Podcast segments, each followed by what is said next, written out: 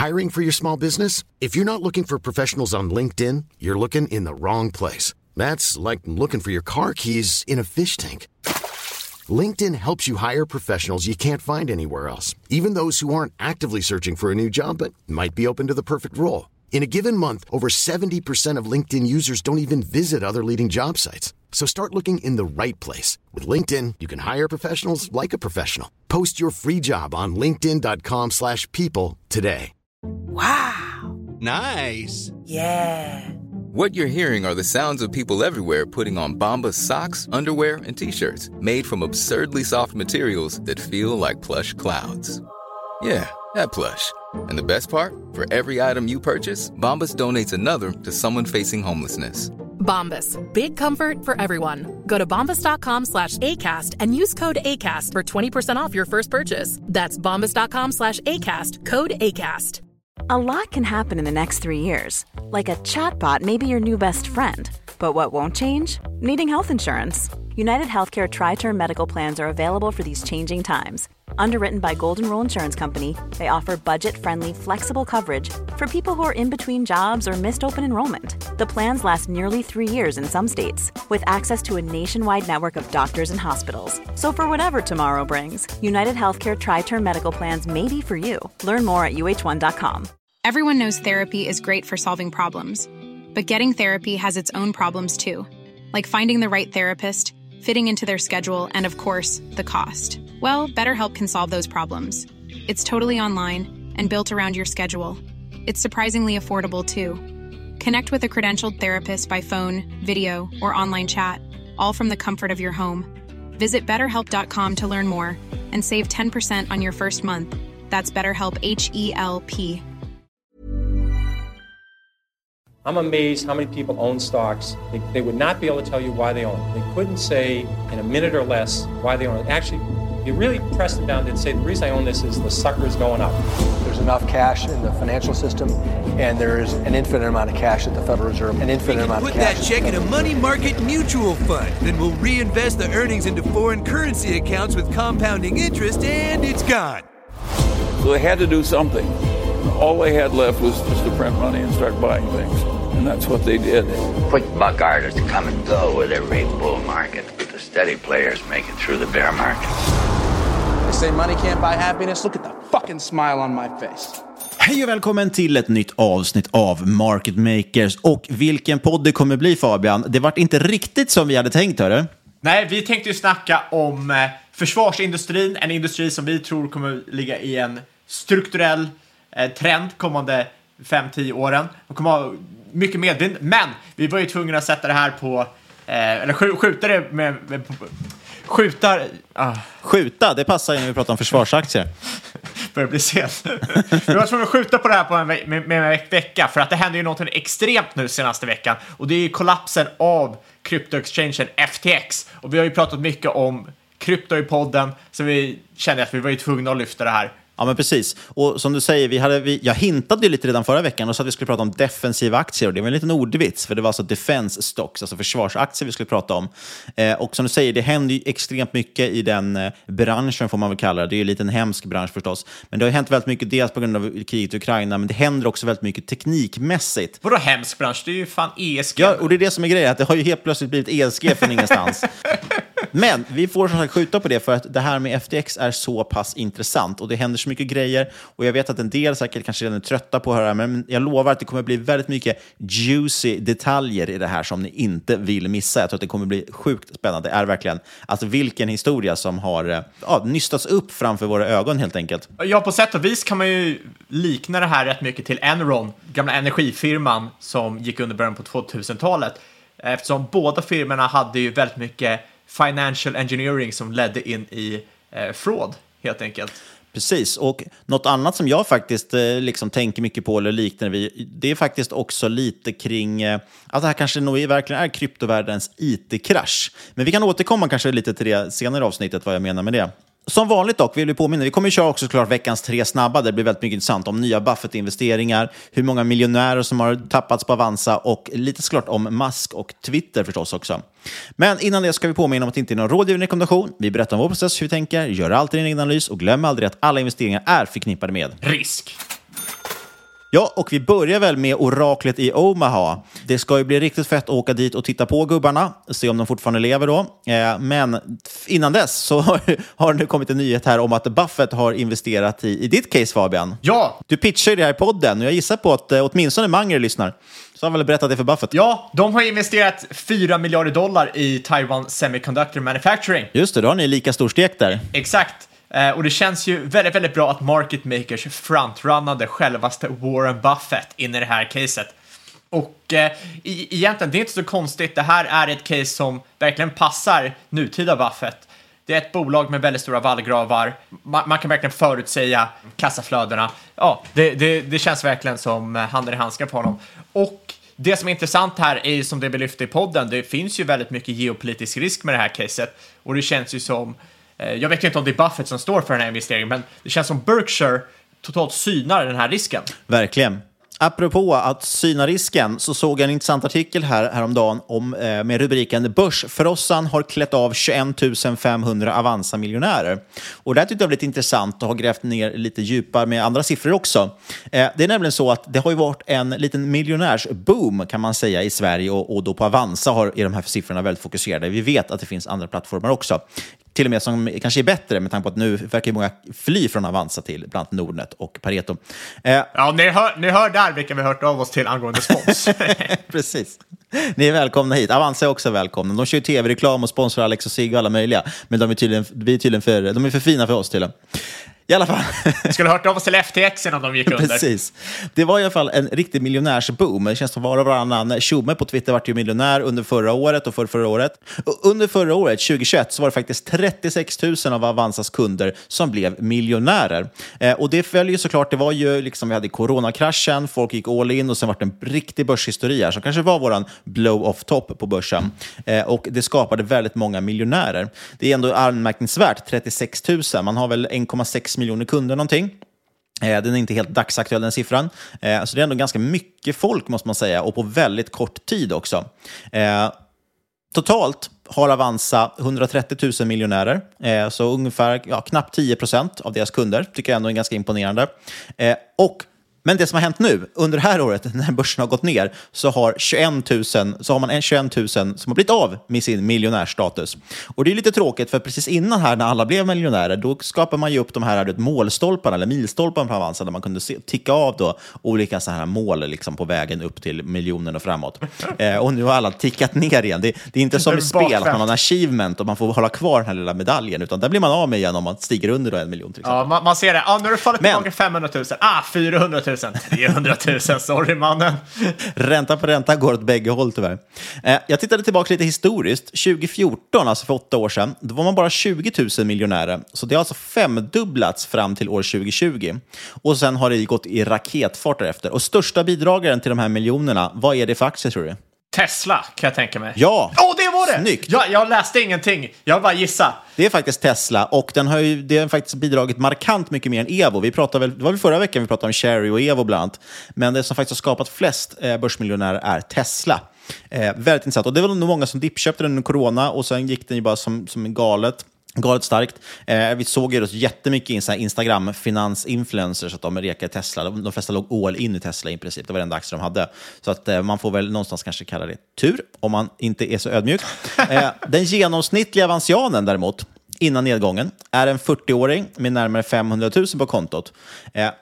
Det här är lite intressant faktiskt. Det var därför jag tänkte lyfta upp de här siffrorna också. Jag tycker det här är väldigt ögonöppnande faktiskt. Jag vet att det är många som sitter och jämför sig och tittar på vad folk har på Twitter och, liksom, och att det känns som att alla har så stora portföljer och så vidare. Men snittet som sagt är att man har ungefär en halv miljon på kontot. Och även det tror jag är ganska mycket för många. Men det är ju för att snittet också dras upp av de rikaste kunderna. Så något som är ganska intressant att kolla på är medianen för kunderna. Vad är liksom den i allra mitten på skalan? Det säger ju ganska mycket mer om vad det normala är. Kan du gissa på vad, vad medianen är på en avanzian, Vad de har för sparande? Ingen aning, men jag gissar att det är under 500 000. Ja, det är 50 000 kronor.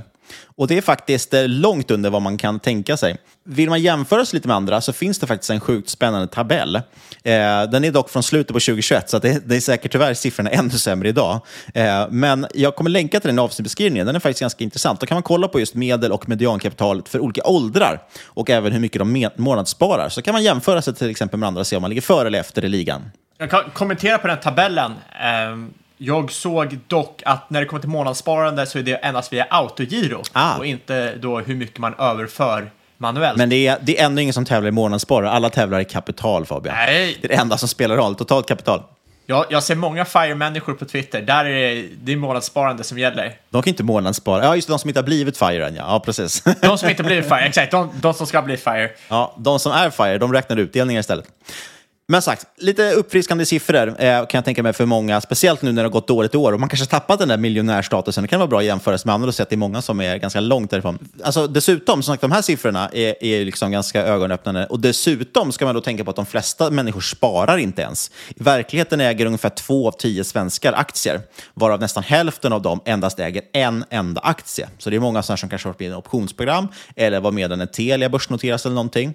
Eh, så att man kan väl bara konstatera helt enkelt att har du mer än 100 000 på kontot, då är du rikare än typ 90 procent av Sveriges befolkning. Eh, och det tror jag att de flesta av våra lyssnare har ganska betydligt mycket mer. 100 000, är det inte något sånt att eh, en fjärdedel, eller en femtedel av befolkningen klarar inte av en, ett utlägg på 5 000 kronor? Ja, precis. Jag såg någon siffra med 3 000 kronor tror jag det var. 3 000, det är deprimerande. Ja, så är det. Förhoppningsvis ni som lyssnar på podden har det lite bättre ställt. Speciellt om ni lyssnat på Fabians aktieråd under, under den här uh, våren. Hörru, inga råd i den här podden. Nej, inte från mig i alla fall. Vi berättar bara om vår process och hur vi tänker. Gör alltid din egen analys. ja, men det är jag som säger en disclaimer. Du har aldrig sagt en disclaimer. Jag ser risk. Du, finanstwitter. Eh, vi ska prata lite om Elon Musk. Hur mår egentligen Twitter under Elon Musk? För det första så, så har han ju sparkat folk till höger och vänster. Framförallt är det ju många som nu är kommenterar på Twitter, som jobbar på Twitter och kommenterar hans tweets när han skriver om saker liksom som de tycker är felaktiga. Och sen är de sparkade dagen efter. Jag, jag ser ju att han kommenterar direkt att de är sparkade om någon går emot honom. Vilket... Ja. Och, och jag, jag ser att folk, folk kommenterar på det här. Ja, ah, men du kan inte gå emot din chef offentligt. Vad förväntar du dig? Men han är inte en vanlig chef det är liksom så här, ja, jag vet inte. Jag, jag, jag tycker det är rätt skevt om han kommer med massa, liksom, hävdar sig och har fel. Och sen antar att folk inte ska peka att han har fel. Och sen sparka de som gör det. Nej, alltså jag, jag, jag förstår båda sidorna. Jag förstår att man, man kanske inte ska liksom hålla på och mopsa sig mot sin chef på Twitter publikt. Det är ju ganska korkat att göra det. Men å andra sidan skulle jag nog säga att en bra chef skulle kunna äga sina misstag också när han har gjort fel. Men skitsamma, något som är mer intressant, som påverkar marknaden mer än vad det här gör, det är ju hela Elon Musks idé om den här lilla blå checkboxen. Eller checkbocken kanske man säger. Ni som hänger på Twitter har säkert sett det. Förut har det varit så att man kan officiellt bli liksom verifierad. Om man har ett konto som anses viktigt, låt säga att du är president i USA, eh, då kan du från Twitter bli verifierad och då får du en liten blå check så här vid ditt namn som då tyder på att det här är ett officiellt konto. Det är alltså inget parodikonto eller något, någon som försöker låtsas vara presidenten, för det finns ju många som utger sig för det på en anonym plattform förstås. Då har Elon Musk kommit på att nej, men vi ska testa ett annat koncept. Man ska kunna köpa den här lilla bocken för 8 dollar i månaden. Problemet med det är att då har ju alla köpt upp den här bocken. Eh, även de här då bottarna, eller liksom spamkonton, parodikonton och så vidare. Eh, och det här har faktiskt gjort kraft, fått kraftiga marknadseffekter. Dels var det ett insulinbolag, jag kommer inte ihåg vilket det var nu, eh, men ett amerikanskt medicinbolag. Eli Lilly va? Ja, så var det. Någon hade då ett liknande användarnamn och så köpte de den här verifiering- verifierade boken, döpte om sitt konto så det hette likadant som bolaget och så skrev de att vi kommer numera ge ut alla insulin, eh, allt insulin gratis. Det drog med sig hela insulinmarknaden ner. Till och med Novo Nordisk drabbades av det här här i Norden. Eh, och jag såg även att Lockheed Martin, apropå försvarsbolag som vi ska prata om nästa vecka, där var det också, de gick ut och sa att vi kommer sluta sälja vapen eh, till bland annat Saudiarabien, Israel och USA tills vi har eh, liksom kollat igenom noggrannare på deras eh, brott mot krigsrätt och så vidare. Eh, Lockheed Martin föll 5% på bara den tweeten. Ganska otroligt ändå. Eh, och det här är då Musk faktiskt ytterst ansvarig för. Vad, vad, vad förväntar han sig? Det, ja, jag, jag menar, för en grabb som lever, eller en man som lever hela sitt liv på Twitter, att han inte kunde se det här komma. Eller så bara något sjukt marknadsföringsknep, för uppenbarligen så har allas ögon på Twitter just nu. Den Precis, och roligaste... det har ju, de har ju haft ett stort inflöde av användare också. Jag tror att i, i grund och botten så handlar det om att det är hans tänk, det är Silicon Valley-tänket som, som man driver med, att man jobbar väldigt iterativt är nog agilt. Man slänger ut en idé, provar den. Alltså det, eh, Facebook har ju det som sitt motto, är ju move fast and break things, och det är exakt vad Elon Musk också gör. Han tar över Twitter, testar, när vi provar den här modellen, då får vi intäkter. Oj, nej just det, den, det, det funkar inte den här modellen. Det fanns en anledning till att det här var, var en funktion som man måste bli verifierad officiellt för. Och den har gått igenom typ tre eller fyra olika iterationer här bara under senaste veckan. Eh, Så att, jätteintressant sätt hur han hanterar det här. Och man får hålla utkik efter, eftersom det här som sagt har fått väldigt kraftiga marknadseffekter. Kan ju vara någonting också man tjänar pengar på. Så sagt. Lockheed Martin ner 5% på en felaktig tweet. Ganska bra köpläge till exempel. Den, roligaste var ju eh, ett parodikonto på George Bush som blev George Bushs officiella konto där han tweetade ut uh, “Miss bombing Iraqis”. ja, nej, sagt, det blir knepigt när man får den där bocken då, för då litar man ju direkt på det kontot, för det ser ut som att det är det officiella kontot. Eh, ja, och det är därför den där bocken har funnits, för att inte någon ska kunna utge sig för ett annat konto. Sen en annan typisk klassisk maskgrej som han har gjort också förstås, det är att fida pengar mellan sina bolag. Han är ju väldigt duktig på det här med att proppa upp sina bolag på olika sätt. Och det han har gjort nu till exempel är att SpaceX har ju nu tydligen gått in och köpt det största annonseringspaketet på Twitter. Eh, så det är ett sätt att, att då ta intäkter från investerarna i SpaceX, flytta in det i Twitter. Så att, ja, ja han är inte tagit, dum i alla fall tagit Tesla-ingenjörer satt de i Twitter också. Så jag tänker, vad tycker investerarna i de här bolagen om det? Verkligen. Det hade inte jag, hade inte jag skrivit upp mig på.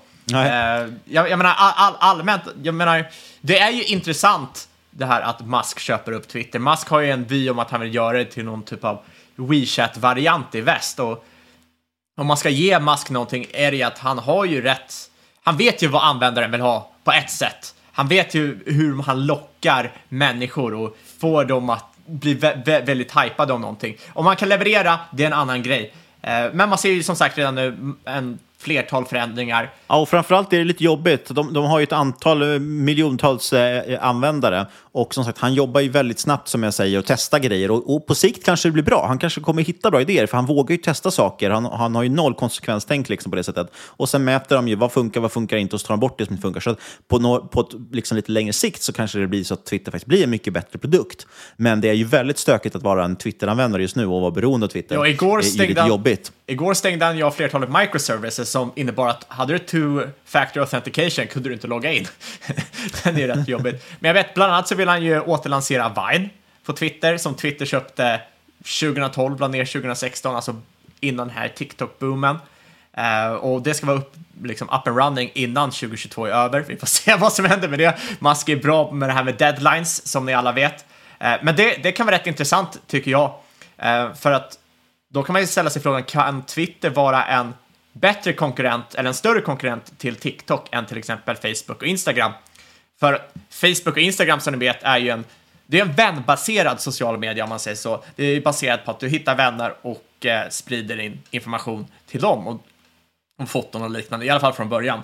Men TikTok och Twitter är mer intressebaserat. Du går in på Twitter för att du är intresserad av finans, inte nödvändigtvis för att du känner eh, Niklas eller har någon annan kompis som är på Twitter. Och eh, då är det rätt intressant att ställa sig och ponera lite där om man kan säga att Twitter kan, kan de komma från ingenstans och ta en stor marknadsandel i kortvideoformat? För de var lite tidiga med Vine, nu är det helt rätt med TikTok och som sagt, de har den här intressegrafen som Facebook och Instagram kanske inte riktigt har. Och dessutom har man det här att man eventuellt vill stänga ner TikTok igen. Det är ju på agendan i USA. Eh, man vill banna TikTok. Praktiskt skulle det ske via en tvångsförsäljning. Och då kan man ställa sig frågan, kan Twitter då vara en kandidat för uppköp? Musk har ju ändå flertalet connections med Kina. Det tycker jag ska bli rätt intressant att följa, och se vad som kan hända där. Och sist men inte minst så tror jag, jag tror inte Musk kommer sitta och hålla på Twitter långsiktigt. Jag tror han blir tvingad att köpa den här skiten. Så att eh, jag skulle inte bli förvånad om vi ser en börsnotering igen 2024-2025 när marknaden har lugnat sig. Och då, kan, då är det inte otroligt om Musk fortfarande har en massa, eh, massa fans, massa Tesla-fans, att de kommer och köper upp det här bolaget. Nej, och han har ju, han har ju väldigt mycket fokus. Han tweetade ju senast idag eh, ut en graf till exempel på nya användare som har kommit in. Eh, jag tror att han har väldigt mycket fokus på att få in nya användare och det driver ju han förstås också väldigt mycket som han får gratis reklam bara för att han är sig själv. Eh, och det tror jag absolut, det kan vara en ganska bra sätt att bli av med det här till slut. Eh, genom att pumpa upp lite eh, användarsiffror och sen så skicka ut det igen på, på börsen. Eh, så kan han få tillbaka kanske en del av de här pengarna han har plöjt in i det. Men du, avslutningsvis om Twitter. Vi ska inte fastna i det, för det är ju numera ett onoterat bolag, men så kanske på väg tillbaka till börsen inom några år. Men eh, Twitter har ju sparkat extremt mycket folk. Eh, runt 50 procent av personalstyrkan hörde jag. Eh, och det är ju som sagt för att Elon går vilt fram i sin sparkning. Men jag tänkte fortsätta lite det här temat också med uppsägningar i techsfären. För vi pratade ju om Facebook förra veckan, eller Meta, eh, om att det ryktades om att de skulle sparka en stor del av personalstyrkan. Det visade sig stämma, de ryktena. De kom ju ut bara någon dag efter vi hade spelat in eh, och sa att 11 000 anställda ska sparkas. Det är ungefär 13 procent av personalstyrkan. Jag sa att Intel sparkar 20% Snap sparkar 20% Netflix 450 personer. Eh, lite svårt att veta hur det är procentuellt. Robinhood 30% Stripe och Lyft 13% Salesforce 2000 anställda och Amazon gick ut idag var det väl. Vi spelade in det här 15 november. Eh, gick ut och skulle också sparka 10 000. Så det är, bara den listan är 120 000 plus eh, folk som blir av med sina jobb. Ja. Eh, och det kan då ställas mot eh, dotcom-bubblan där det var ja, lite under under det, drygt 100 000 som eh, skickades ut. Det, det som är intressant här är ju hur det här kan sprida sig in i andra industrier, till exempel ja, startup-industrin är fortfarande tech-industrin, men till mindre bolag. För vi såg ju det när till exempel Klarna och Stripe tidigare sa upp en massa människor. Då spred ju det sig till många mindre bolag. De sa upp, också upp eh, en massa människor. Och jag tror väl eventuellt du ser den effekten nu också om du ser en massa fangbolag säga upp människor. Då kommer startups också börja säga upp. Det är liksom lite följa John här i techindustrin. Och det kan ju bli lite av en ond spiral. Verkligen. Du, ska vi hoppa in på dagens huvudämne tycker du? Ja, det tycker jag.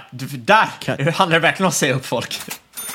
Ja, vad vore vi för podd egentligen om vi inte pratar om FTX-härvan? Vi är ju ändå, vi har väl ändå poddvärldens, eller svenska poddvärldens, typ enda NFT tror jag, och det mest framgångsrika får man säga också. Som för övrigt kan nämna det. Nu låter det som att jag ska sälja in våra NFT vi släppte här för, för något år sedan. Eh, men de, i dem så ingår ju att vi har en årlig meetup och det är ju snart dags för den igen. Vi har ju bokat bord här för bara om några veckor. Eh, det eh, ska bli svinkul att träffa det gänget igen. Så att eh, gå in på, man kan hitta de här via OpenSea om man söker på Market Makers. Om, så att vill ni vara med på de här meetupsen, då kan man gå in där och, och försöka knipa en av de här, skicka ett bra bud till de tidigare ägarna om man nu vill göra det. Så, nu har jag pumpat upp priset på dem lite också. ja, verkligen. Du kommer få Ekomyndigheten på oss. Nej, köp absolut inte dem.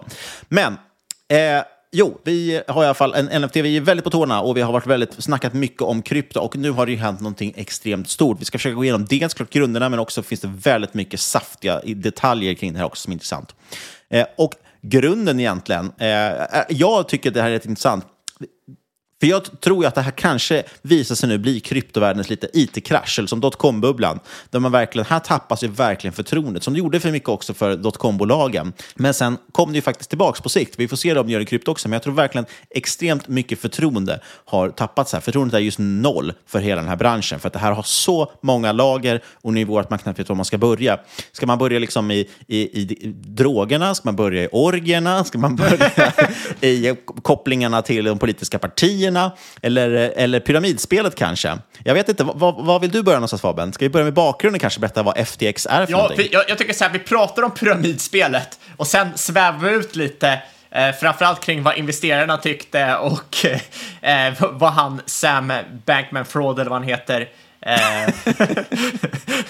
verkligen höll på med. Det som, är så, det som är så makalöst här är att FTX de hade ju en värdering på 32 miljarder dollar bara för typ en, två veckor sedan och nu är det noll. Och han, eh, Fraudman, han såg ju sin förmögenhet gå från 16 miljarder till noll dollar på Precis, samma han, tidsperiod. Visst hade han gått i personlig konkurs? För de satte ju båda bolagen i konkurs, både amerikanska och internationella. Det, det, eh, det, jag tror att han också satte sig i konkurs. Det är det som är intressant och vi ska gå igenom det lite sen. Men du hade ju investerare som till exempel Sequoia som investerade i FTX och då sålde ju eh, Sam Bankman-Fried av delar av FTX och sen investerade det i Sequoia. Så jag vet inte riktigt, han har ju sålt av delar av FTX för att investera i någon typ av hyper...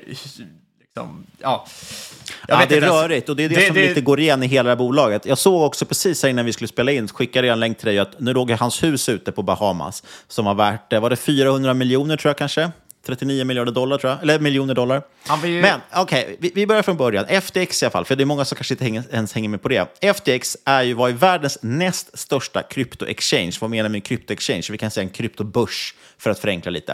Eh, men det är ju ingen börs. Men det var där helt enkelt man kunde handla kryptovalutor. Den största är väl Binance. Rätta mig om jag har fel. Eh, FTX var världens näst största, en väldigt stor legitim spelare och det var grundat då av Sam Bankman-Fried, det säger jag, men han heter väl Fried. Eh, jag tycker att man borde kalla honom för Sam Fried Bankman snarare, men det, ditt var bättre nästan med Fraud. Eh, SBF kallades han, så det blir mycket förkortningar. FTX och SBF.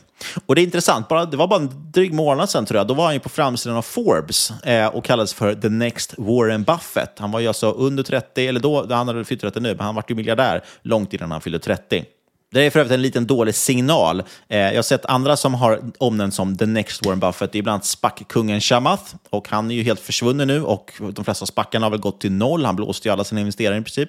Techdrottningen Cathy Woods kallades också för the next Warren Buffett, alltså ARK eh, Investment.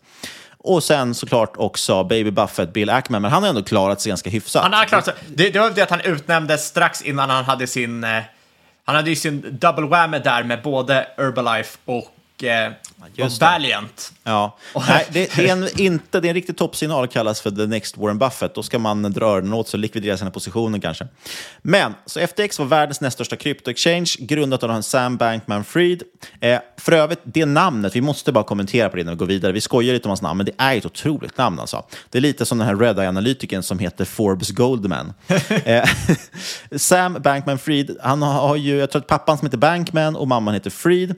För övrigt, lite intressant, vi ska inte gå in på djupet med det. De är ju faktiskt involverade politiskt och är del av, som jag förstått av den här anti-money-rörelsen, alltså de som inte tror på pengar. Eh, så de har väl mycket intresse av det här just med, med krypto och det som ett, ett frihetsverktyg kan man säga. Det, det är intressant också för att Sam Bankman-Fried var ju eh, Demokraternas näst största donator. Just det. eh, men i alla fall, vi, vi går in på plattformen. FTX, det är exchangen. Det som är intressant här och är väldigt viktigt i den här storyn, för det här lägger grunden till vad som hände, det är att FTX hade en token som heter FTT. Det ser ut... En egen kryptovaluta lite förenklat. Eh, exakt, det är en kryptovaluta. Det ser ut som en aktie, men det är inte en aktie. Eh, den ger inget ägande i exchangen, alltså i FTX. Eh, legalt kan den inte göra det. Det kan inte vara för lik aktier, för då kommer du hamna i knipa med SEC, alltså ja, deras finansinspektion i, i USA.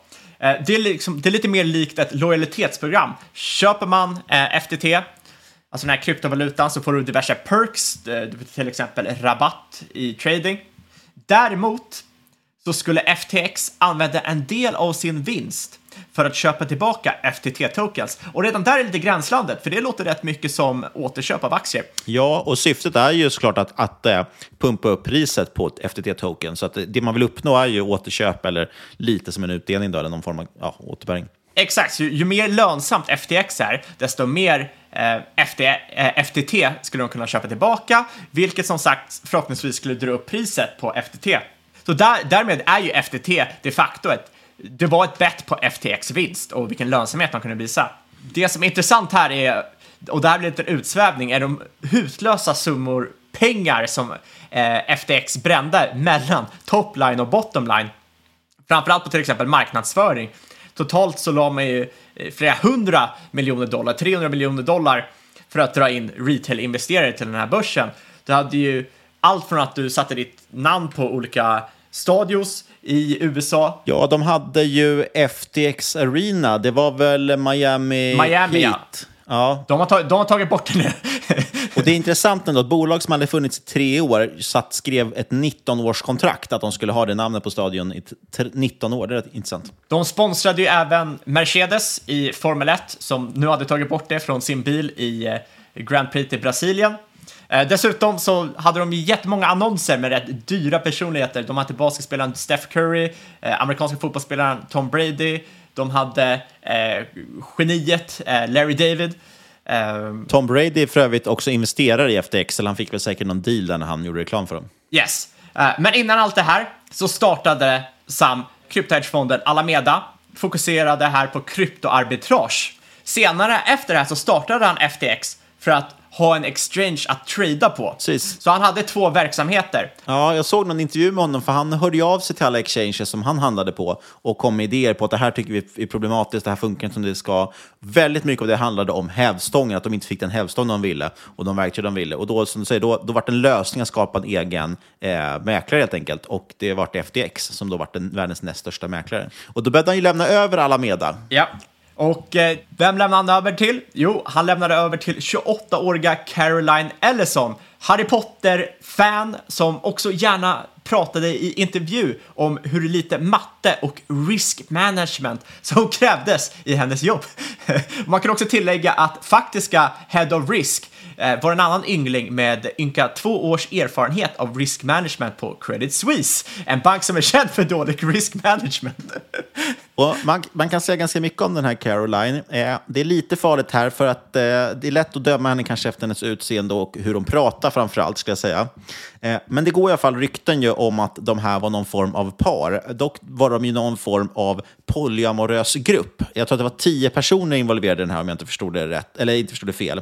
Eh, som då var polyamorösa och hade någon form av tiomannaförhållande där då Caroline ingick. Så att väldigt mycket bygger på att man tror att han tillsatte henne för att det var hans tjej i princip som, ja, som han var kär i då, och var med i den här någon form av märklig grupp då. Som, som älskade varandra. Ja, och eh, Bankman Fried fick in jättemånga investerare. Eh, anrika VC-firman Sequoia fick även in Softbank och eh, Tiger Capital.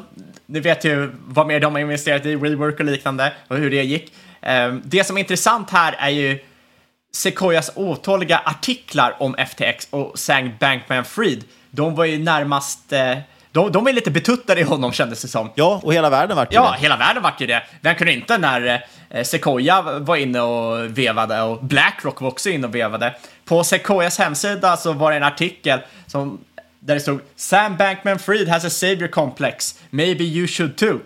Artikeln pratade bland annat om hur eh, liksom investerarna lyste upp när SPF pitchade över ett Zoom-call de freakade helt enkelt. De satt och med, skrev meddelanden till varandra om att det var den bästa pitchen de någonsin hört och att det var den bästa investeraren för att han hade så grandiosa planer. Inte bara skulle det här vara i kryptovärlden, du skulle kunna handla vad du ville, till och med en banan via FTX. Eh, och det som var intressant också att de, de satt även och de, de noterade att eh, Eh, SPF, alltså Sam Bankman-Fried, satt och spelade League of Legends under sin pitch. Ja, det var en positiv grej, för det, det visade hur smart och intelligent han var. Ja, jag tyckte snarare att... simultankapacitet, att han kunde sitta och gamea samtidigt som han pitchat i mångmiljardbelopp till investerare. jag tycker, tycker det visar liksom lite på en oseriositet, men ja. Eh, det är det som är så himla intressant med honom, för att vi har inte ens berört, nu pratar jag om hon Carolines utseende, men mer signifikant är ju SPFs utseende. Han är ju känd för att han alltid går i shorts, jag vet inte om han har tofflor också, men alltid, och sliten t-shirt. Och... Nej, han, han har ju så här gamla eh, New Balance-skor så här, som papporna hade på 90-talet. Ja, just det, det är klart, precis. Och långa strumpor i förstås. Eh, sliten t-shirt och eh, ovårdat hår. Det är liksom hans look. Och det finns ju fantastiska bilder på honom när han sitter uppe på scen, till exempel på något event och föreläser. Och de andra sitter i kostym och uppklädda och han sitter liksom halv, halvliggande i stolen eh, med sin t-shirt och sina shorts. Och på samma sätt sitter han på de här pitcharna och kan inte ens bry sig tillräckligt mycket utan han sitter och spelar, eh, spelar League of Legends. Och bara en kort grej här, League of Legends, nu hoppar vi lite i förväg här, men som vi har redan avslöjat att det är som sagt konka hela skiten nu. Eh, och hans konto är ju publikt, alltså folk ser ju när han spelar och inte, eh, om han går in online eller inte. Och eh, det var ju bara någon dag efter man gick i konkurs, då satt ju han och spelade League of Legends igen. Så han verkar ju vara ganska, ganska beroende av att spela League of Legends. Så de säger att han, han har ju suttit och gameat ganska mycket nu istället för att försöka rädda företaget, så sitter han och gamear istället. Det, det känns som han har tagit mycket inspiration från Elon Musk, för att han, efter den här pitchen då, när han satt och pitchade med eh, till Sequoia. Han lyckades ju resa en miljard dollar utan problem. Men efter det så hade han så kallad en meme round där han reste 420,69 miljoner dollar, alltså 420,69 från 69 investerare. Precis, och det känner vi igen bland annat från till exempel Elon Musks eh, bud på Twitter byggde ju på det och även hans påhittade utköp av Tesla byggde också på 420-skämtet. Ja, Sam Bankman-Fried, han vill ju också vara medinvesterare i eh, i Twitter. Han vill ju slänga in 5-10 miljarder dollar. Vart de pengarna skulle komma ifrån, det vet jag inte. Men... Från sina kunder kanske? Ja, sina kunder, det ska vi gå in på lite sen. Nej, men, och, och, det är intressant just det här med hans utseende. Vi nämner det för att dels såklart det är en karaktär, det, det målar en bild av honom, men det späder nog också på det här att han är så extremt kaxig. Han sitter och spelar spel under pitchar, han klär inte upp sig. Det späder nog på väldigt mycket också bilden av att det här är ett geni. Han behöver inte anstränga sig. Han är bara naturbegåvning liksom och folk köpte den bluffen helt enkelt. Man ska tänka där också att mycket av Silicon Valley och egentligen tech och startup-scenen rent generellt, oavsett vad det är i världen, bygger mycket på eh, ungdom. Att det, du har 20-åringar utan mycket erfarenhet, lite geniklassade, nästan lite naiva så de tar sig an vad som helst. Men det bäddar ju för problem för de här har ju ingen Ja, de har ju ingen erfarenhet. De förstår, det kommer så här komplexa saker som eh, finansiella system. Ja, man älskar ju den, liksom, de älskar ju den bilden av den här college dropouten till exempel. Sen, sen behöver man inte prata om att personer har mångmiljon, mångmiljonärer till föräldrar som har stöttat dem och har stoppat in pengar i bolagen och så vidare. Eh, och som du säger, de, de, tror också att de kan disrupta vilken bransch som helst, inklusive finans förstås. Eh, och ibland då kan ju det gå fasligt fel. Men vad var det då egentligen som gick fasligt fel i det här fallet? Ja, vi börjar med vad som hände för ungefär två veckor sedan. Då gick eh, CZ, det är förkortning på hans namn. Han är, eh, jag ska inte ens försöka uttala hans kinesiska namn, men hans eh, nickname det är CZ, det är grundaren av den största exchangen Binance. Han var tidig investerare i FTX, investerade cirka 100 miljoner dollar, fick 20 procent av bolaget. Han gick ut twi på Twitter för cirka två veckor sedan och sa att han skulle dumpa hela sitt innehav i FTT, alltså den här kryptovalutan som FTX ger ut. Och backstoryn här är att han faktiskt sålde sin stek i aktierna FTX. Alltså, eh, han och Sequoia och de här investerarna, de får ju riktiga aktier i FTX. Men du som retail-investerare som vill ta del av vinsten och återköpen, du köper ju den här kryptovalutan FTT. Det är, det är värt att ta med sig här. Men för att han skulle kunna sälja det här så var han tvungen att ta emot rätt mycket betalning i FTT. Och det var de här FTT som han ville dumpa i marknaden. Och det var nästan 2 miljarder dollar i FTT. Och en annan sak som är bra att veta här är att den här kryptovalutan var relativt illikvid. Så att eh, den här försäljningen gjorde ju såklart att FTT föll väldigt skarpt. Det var väl 20 procent eller någonting över en natt. Men framförallt så gjorde det investerare, ska man inte säga, spekulerare eller whatever. Folk som ägde FTT gjorde dem ju väldigt rädda. Dels varför dumpar den här eh, CZ FTT? Och, och framförallt vad kommer hända med FTX? Eh, folk blir ju rädda att man kommer se samma sak som har hänt med Celsius och Voyager och Luna senaste året, att man ser en fullständig kollaps. Och eh, en stor anledning varför han dumpade, CZ gick ut på Twitter sen, han sa ju att det var på grund av recent revelations, alltså att man har nya upptäckter kring FTX, samt lite anklagelser att SPF lobbade för reglering eh, till fördel för FTX och nackdel mot andra exchanges. Men det var framförallt de här recent revelations som var väldigt intressant. Vad innebär recent revelations? Är det något fel på FTX? Och som sagt, när CZ börjar lassa av sina, den här kryptovalutan så börjar allting att falla. Eh, SPF, alltså Sam Bankman-Fried, går ut på Twitter, försöker hålla alla lugna, säger att det är lugnt, vi har tillräckligt mycket pengar för att eh, eh kunna betala, eh, betala ut till investerare som vill ta ut sina pengar. Vi har likviditet och ett hett tips här, om du någonsin ska driva en exchange eller en börs, gå aldrig ut till potentiella kunder och säg att ah, allting är lugnt, vi är likvida. Det är så ett typiskt tecken på att saker inte är Att man inte är likvida. Så, me så mellan söndagen och måndagen så blir det ju panik. En ba klassisk bankrun. Exakt. Digital. Alla skulle ha ut sina pengar helt plötsligt. Man drog ut 6 miljarder dollar, fick eh, kunderna ut innan eh, FTX satte stopp för det här och liksom helt satte stopp för uttag. Och det är såklart ett stort varningstecken om eh, ett bolag sätter stopp för uttag. Lite det man såg under corona i och för sig bland eh, lite mer reglerade eh, bolag. Ja, och det är det som är lite skillnad. I en reglerad marknad så, så finns det kontroller på det här. Oftast och förhoppningsvis, eh, där man vet att det finns pengar. Men det var ju det som det visade sig att det kanske inte fanns tillräckligt med pengar. Exakt. För på tisdagen då, då så säger Binance CZ att de har en så kallad non-binding agreement att köpa upp FTX efter att man gör lite due diligence, kollar att allting står rätt till, för man vill ju lindra den här potentiella katastrofen om den näst största exchangen i världen går under. Det är såklart katastrof för hela kryptouniversumet.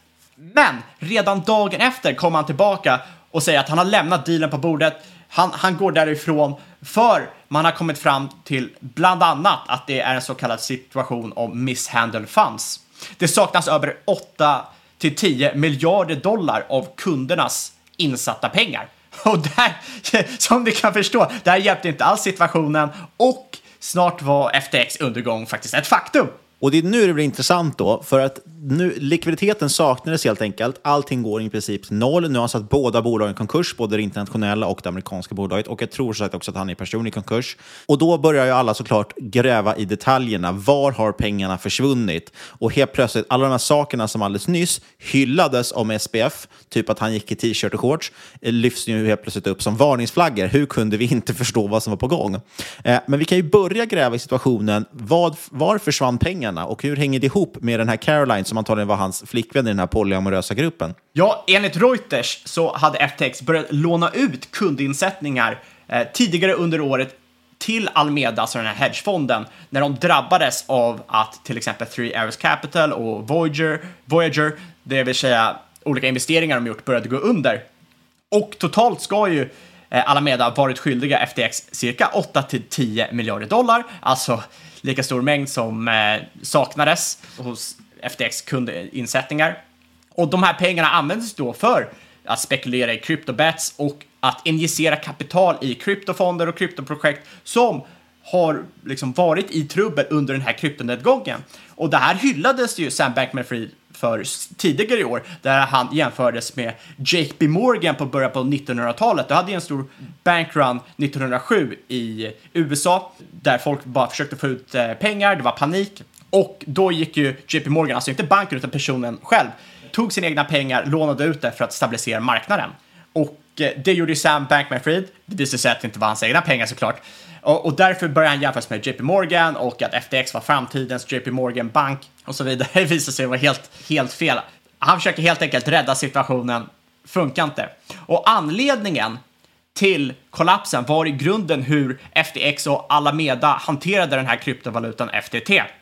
FTX och Alameda, eh, det är egentligen en rätt rejäl förenkling på företagsstrukturen som när man ser en bild så är den oerhört komplex. Jag såg en bild från Financial Times där det ingår, eller det ingick över 130 affilierade företag i den här företagsstrukturen. Som han rattade medan han spelade League of Legends. Exakt! För du var tvungen att öppna upp olika företag i olika länder för att kunna göra kryptoarbitrage och sådana saker och sen skyffla över lite pengar till Bahamas och sådana saker. Så det, det, ja, det var en fullständig röra. Men förenklat kan man ju säga att så här fungerar det. Eh, och jag saknar säkert några detaljer som vi kommer få skit för, men skitsamma. Så här fungerar det ungefär. Eh, man hade system där FTX, de skapade FTT. Alameda, de köpte FTT till ett väldigt lågt pris. FTX, ja, de såg ju till att pumpa upp FTT. Och sen kunde ju då Alameda använda det här FTT som säkerhet för att ta ut riktiga lån på andra tillgångar. Och eh, vart kom de här pengarna ifrån? Jo, från kundernas insättning. Alltså, man skapar en valuta, man pumpar upp den så att den hade ett högre värde än när man skapar den. Och sen använder man den här som säkerhet till riktiga lån. Så på boken såg det ut som man hade mycket mer pengar än vad man egentligen hade. Och värdet på FTT, det var ju helt uppbyggt utifrån synen på FTX och SPF alltså Sam Bankman-Fried. Jag vet inte ens varför jag använder förkortningen SPF. Jag... När du ändå säger hela namnet varje gång. jag säger hela namnet. Vi får lita på att lyssnarna har förstått nu att SPF är grundare. Det som är intressant här är också att det är väldigt många som har en teori att Alameda, till viss del i alla fall, användes för att frontrunna trades på FTX. Jag kan inte säga om det var liksom hur stor sannolikhet det är. Men... Det har ju kommit upp extremt mycket rykten och spekulationer, så vi kan ju utgå från att ungefär hälften av det vi säger nu om FTX kommer visa sig inte stämma. Och vi kommer ju åtminstone få se en, en, fantastisk bok om det här där vi säkert får se detaljerna. För Michael Lewis har ju rest runt med SPF nu ett tag. Eh, han har ju skrivit ett gäng riktigt fantastiska finansböcker. Vill du nämna tre Fabian? Du har Big Short, du har ju Flash Boys och du har ju Liars Poker. Snyggt.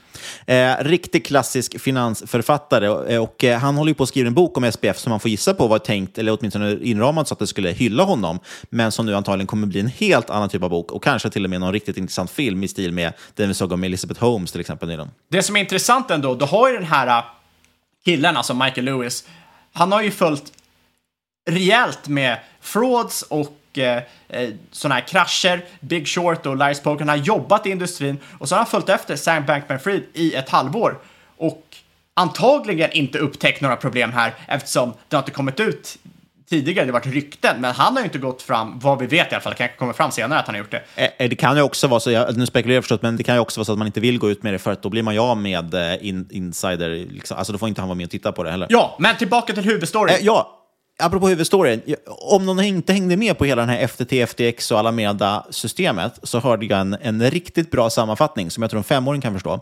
Där de sa att om du tänker att McDonalds skulle skapa några nya pengar som de kallar för clownpengar, med Ronald McDonalds clownpengar, och sen så ger de ut dem, så får folk köpa de här och den stiger i värde och då börjar de ta ut lån eh, hos banken för att de har så stort värde i clownpengar. Eh, och sen en dag kommer alla på att clownpengar finns ju inte på riktigt och därmed då faller hela systemet. Så skulle man kunna sammanfatta det lite Det förenklat. är, exakt, det är exakt, exakt så det är. Man har hängt upp hela värdet egentligen på alla lån på en valuta som sen visar sig inte ha något värde. Ja, eh, i början på oktober så börjar det här krackelera lite här för FTX. Eh, tradingvolymen är ner på grund av ja, kryptokraschen, folk är inte lika intresserade av krypto. Eh, man börjar se konkurrens från decentraliserade exchanges som växer, alltså peer-to-peer, hos de som är kvar. Du ser också att högt uppsatta chefer börjar lämna FTX. Eh, och som sagt, SPF börjar hålla på med en rejält många sidoprojekt här. Bland annat vill han ju investera i Twitter med Elon Musk. Det som är intressant också, det jag tänker på, vart kommer hävstången härifrån? Och mycket här handlar ju om hur krypto-exchanges fungerar i botten. Och de fungerar mer som broker-dealers än faktiska exchanges. För snarare än att matcha trades så gör de ofta transaktioner med kunden. Och den stora businessen här för FTX var att tillgodose traders med derivat med sjuk hävstång. Och för att göra det så måste de ju låna pengar. Och vart lånar de ifrån? Ja, det var ju Alameda och från kunderna. Och detta gör ju att i slutet så blev de ju rätt likt en bank. De hade ju inte alla de här pengar i kassavalvet som de var skyldiga kunderna. Så om kunderna vill komma och ta ut pengar, ja, då blev det ju risk för likviditetskris och det var ju exakt det vi såg. I slutet innan konk så hade Alameda 12 miljarder dollar i tillgångar, 7 miljarder dollar i liabilities. Cirka hälften av deras tillgångar var i FTT. Och eh, det var ju en tillgång som var väldigt illikvid, eh, började falla snabbt i värde. Och eh, det var ju ungefär som ett bolag skulle ge ut en aktie och eh, använda det som säkerhet på ett lån. Går bolaget dåligt så minskar ju såklart aktiekursen och eh, om säkerheten som backar lånet faller så blir det ju en mardröm för risk management för då måste du börja sälja för att dra ner på risken. Men det här trycker ner värdet på säkerheten ännu mer och så helt plötsligt är det ju bankrutt. Och det var ju det som hände för eh, FTX också. De sjabblade ju bort en jäkla massa pengar och resultatet blev ju att de gick i konken. Det som är intressant när man följer upp det här, det är att för att han SPF, han har ju gått ut på Twitter, jag vet, han har väl ingen bra advokat eller någonting, så han har ju suttit med massa jäkla tweetstorms och sagt att han hade ingen aning om det här, han hade ingen aning om hävstångssystemet, allt möjligt. Och jag, jag tänker bara, hur kan du inte ha koll på det här? Eh, och framförallt, jag menar, finns det inte en teknologi som gör att allting, alla transaktioner alltid kommer att vara kvar? Det vore jättebra om det fanns någon sån typ av teknologi. Jag vet inte vad det skulle kunna heta. Just det, något i stil med en block, att man la block som en kedja efter varandra, att man kunde följa det på något sätt. Ja, ja men någon dag kanske det uppfinns. Jag vet inte. Ja, vi får se. Men sen har ju allting då försökt, folk försökt pussla ihop där. Och dels händer det ju massa grejer efteråt här, där det började snackas om att det kom malware på sajten, för sajten gick ju ner och det kom ut trojaner och folk sa att man skulle inte öppna upp appen och så vidare. Eh, det kom rykten, jag vet inte hur, hur pass sanna de är, om att då eh, just Sam och den här Caroline hade byggt någon form av inbyggda bakdörrar för att kunna smussla ut kapital, eh, att de autoförstörde sajten för att röja sina spår. Vet som sagt inte hur mycket det här är som faktiskt ligger bakom det, hur mycket genomtänkt det är. Något som ja, däremot, som har, det som är intressant är att se hur många duktiga investerare som har dragits ned i det här. Vi har pratat om Sequoia och så vidare, flera sådana och, och stora investerare. Eh, men dessutom också har det dykt upp väldigt många, till exempel hedgefonder och investerare som visar sig haft väldigt för mycket krypto på just FTX. Eh, och det här är ju en klassisk grej. Problemet liksom är ju att när bitcoin kom och kryptovalutor kom så handlade det om att det skulle vara ett tillitslöst system, alltså trustless. Du ska inte behöva lita på någon motpart. Problemet är att av praktiska skäl så har ju alla valt att lita på en motpart, till exempel genom att ha alldeles för mycket av sina tillgångar på en exchange som FTX. Precis som att vi litar ju på att om vi använder Avanza eller Nordnet eller något så litar vi på att de har våra pengar. Eh, Men och- den stora skillnaden där är ju regleringsmässigt. Vi, vi är ju, enligt lag så, så kommer vi få tillbaka en stor del av våra pengar om någonting skulle hända eh, i en bank. Eh, på Avanza så äger du ju själva värdepappret så är det inga problem egentligen. Men här, de, de äger din krypto det är A och O, det är 101. Eh, ska du investera i krypto ska du lägga det på en cold storage, en cold wallet, så att du Precis. faktiskt äger nycklarna. Ja. Annars äger du inte din egna krypto. Och det är ju det som många har missat här. Det som är intressant med det du säger, det är att det är många institutioner som valde FTX framför till exempel Binance för att de ansåg att FTX var säkrare. Mm. Och det var ju bland annat en snack om, det var ju någon eh, Kanadas lärares pensionsfond hade ju pengar till exempel på FTX. De är värda noll idag. Det går inte att göra uttag längre. Jag såg någon hedgefond, en kryptohedgefond. De hade ju majoriteten av sitt kapital, sa de, av sina kunders eh, pengar på FTX också för sina kryptobett. Eh, och det måste ju vara sjukt pinsamt och jobbigt att helt plötsligt stå utan kundernas pengar eh, för att du helt enkelt la allting på en exchange istället för en cold storage, som du säger är one-on-one inom kryptovärlden. Ja, var, var, var det de som torskade 100 miljoner? Ja, om ni kommer ihåg David Daytrader från eh, 2020 som satt och daytradade. Han, nu tappar jag bara, Dave Portnoy heter han ju, som eh, ligger bakom eh, Barstool Sports i USA. Han vart ju daytrader och myntade ju mycket av de här fantastiska uttrycken med honom, att stonks only go up och så vidare. Han visade ju sig att, eh, att han hade till exempel pengar på FTX, verkar det som. Eh, och undrar nu, hur får jag ut mina bitcoins? Eh, och någon för- förklarar för honom att de är borta. Det, det är bull, bullish för de som har kvar sina bitcoin, för det betyder att det är många mer som är borttappade där i kryptorymden. Exakt, det finns färre Ja, kvar. deflation baby. Eh, det som är intressant här är ju att, ja, såklart är det missmanagement med tanke på att man har skickat över en massa med, av kundernas pengar till den här kryptohedgefonden som har handlat vilt och sen har man liksom torskat de pengarna. Men en annan grej är att FTX, eller SBF har ju använt FTX lite som sin personliga piggybank. För kollar man på balansräkningen, då finns det ju liksom, kan, kan du läsa ut till exempel att det står Trump lose. Då har han tagit ett bet med FTX-pengar att Trump kommer förlora eh, valet. Känns stabilt, Det- ett det- 50-50 val. Det känns inte så jäkla stabilt, inte så seriöst att ta, ta ett sånt typ av bet med sin firma. Nej, och det ska tilläggas, de här, ja, vi pratade ju om hans eh, bostad där som var värd eh, ja, 400 miljoner, tror jag att det är kronor. Eh, de köpte, den ligger nere i Bahamas om jag inte minns fel. De köpte ju upp i princip ett helt samhälle i Bahamas för närmare, jag tror det var någon miljard i alla fall, för att då skulle kunna ha för anställda att bo. Och apropå hur de jobbade med anställda på företaget, en annan liten varningsflagga som man kanske borde noterat, det var ju att Sam också var en väldigt ivrig förespråkare av eh, centralstimulanter, eh, bland annat amfetamin. Eh, han hade bland annat, sägs det, ju i princip föreläsningar för nyanställda och praktikanter om de olika centralstimulanterna som fanns, vilka som hade vilka för och nackdelar eh, och rekommenderar att man använder det. Det finns även på Twitter, han har lagt ut en tråd om att han rekommenderar att man gärna ska ta liksom centralstimulanter i små doser för, för att vara vaken och alert och kunna spela LOL, alltså League of Legends, medan man sitter med investerare kanske. Eh, och sen då hade han en beanbag på kontoret där han kunde gå, alltså en sack och säck typ, gå och lägga sig och sova ibland, ta små, ta små naps. Eh, och för att kunna somna då när man har centralstimulanter, då förespråkar han sömnpiller. Eh, lite intressant. Eh, även hon, Caroline, där som var vd för den Alameda, hedgefonden, hon har också skrivit på Twitter att regelbundet intag av amfetamin får en att verkligen förstå hur dumt det omedicinerade livet är. Det, det där känns också väldigt amerikanskt när du sitter... det är väl det här... Ja, det hänger ihop lite med det här med Adderall, att det är många som tuggar sina ADHD-medicin i USA när de pluggar på, på tentor och så vidare. Ja, men, det, men är inte det amfetamin light ungefär? Ja, den innehåller ju någon form av amfetamin, precis. De, de, börjar, de börjar tidigt. Ja, i, i USA verkar det ju som att det är väldigt vanligt. Och det där är ju medicin som för, för folk som har ADHD kan ju liksom vara lugnande. Då. Nu är inte vi såklart några medicinska experter, men eh, det har ju spridit sig som en löpeld. Intressant, bara kort grej här. Man har ju listat ut nu vilken stimulant han själv tog. Eh, det har man kunnat se på skärmdumpar och i intervjuer och så, liksom, om man har zoomat in på hans skrivbord. Eh, och han tog då en, en stimulant som han tog via plåster.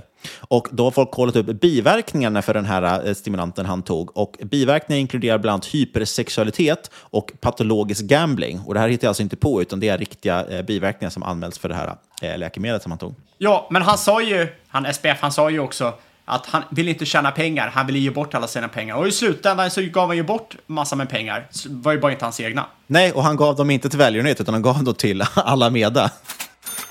Ja, som vanligt Fabian, vi brukar ha en liten innehållsförteckning. Äger du några FTT? Ja, ja för fan. Jag, jag är helt sprängd nu. Jag har satt i 100% i FTT. Ja, det vore intressant. Vi pratade ju tidigare om hur många eh, Avanza-miljonärer som har försvunnit på grund av börsnedgången. Det vore intressant att höra hur många kryptomiljonärer som numera inte är det på grund av FTX. Men du och jag äger ingenting FTX. Vi har inte pratat så mycket om aktier idag. Men vi kände att vi måste ta upp det här med FTX för det är en så otroligt, eh, otrolig story verkligen. Eh, oavsett vad vi har sagt så ska vi ändå som vanligt nämna att det inte är någon rådgivning i den här podcasten. Alla åsikter egna eller gäster och eventuella sponsorer tar inget ansvar för det som sägs i podden. Kontakta oss på podcast.marketmakers.se eller på Twitter och aktie.marketmakerspod och lämna gärna en recension på iTunes. Och sist, men absolut inte minst, stort tack kära lyssnare för att just du har lyssnat. Vi hörs igen om en vecka.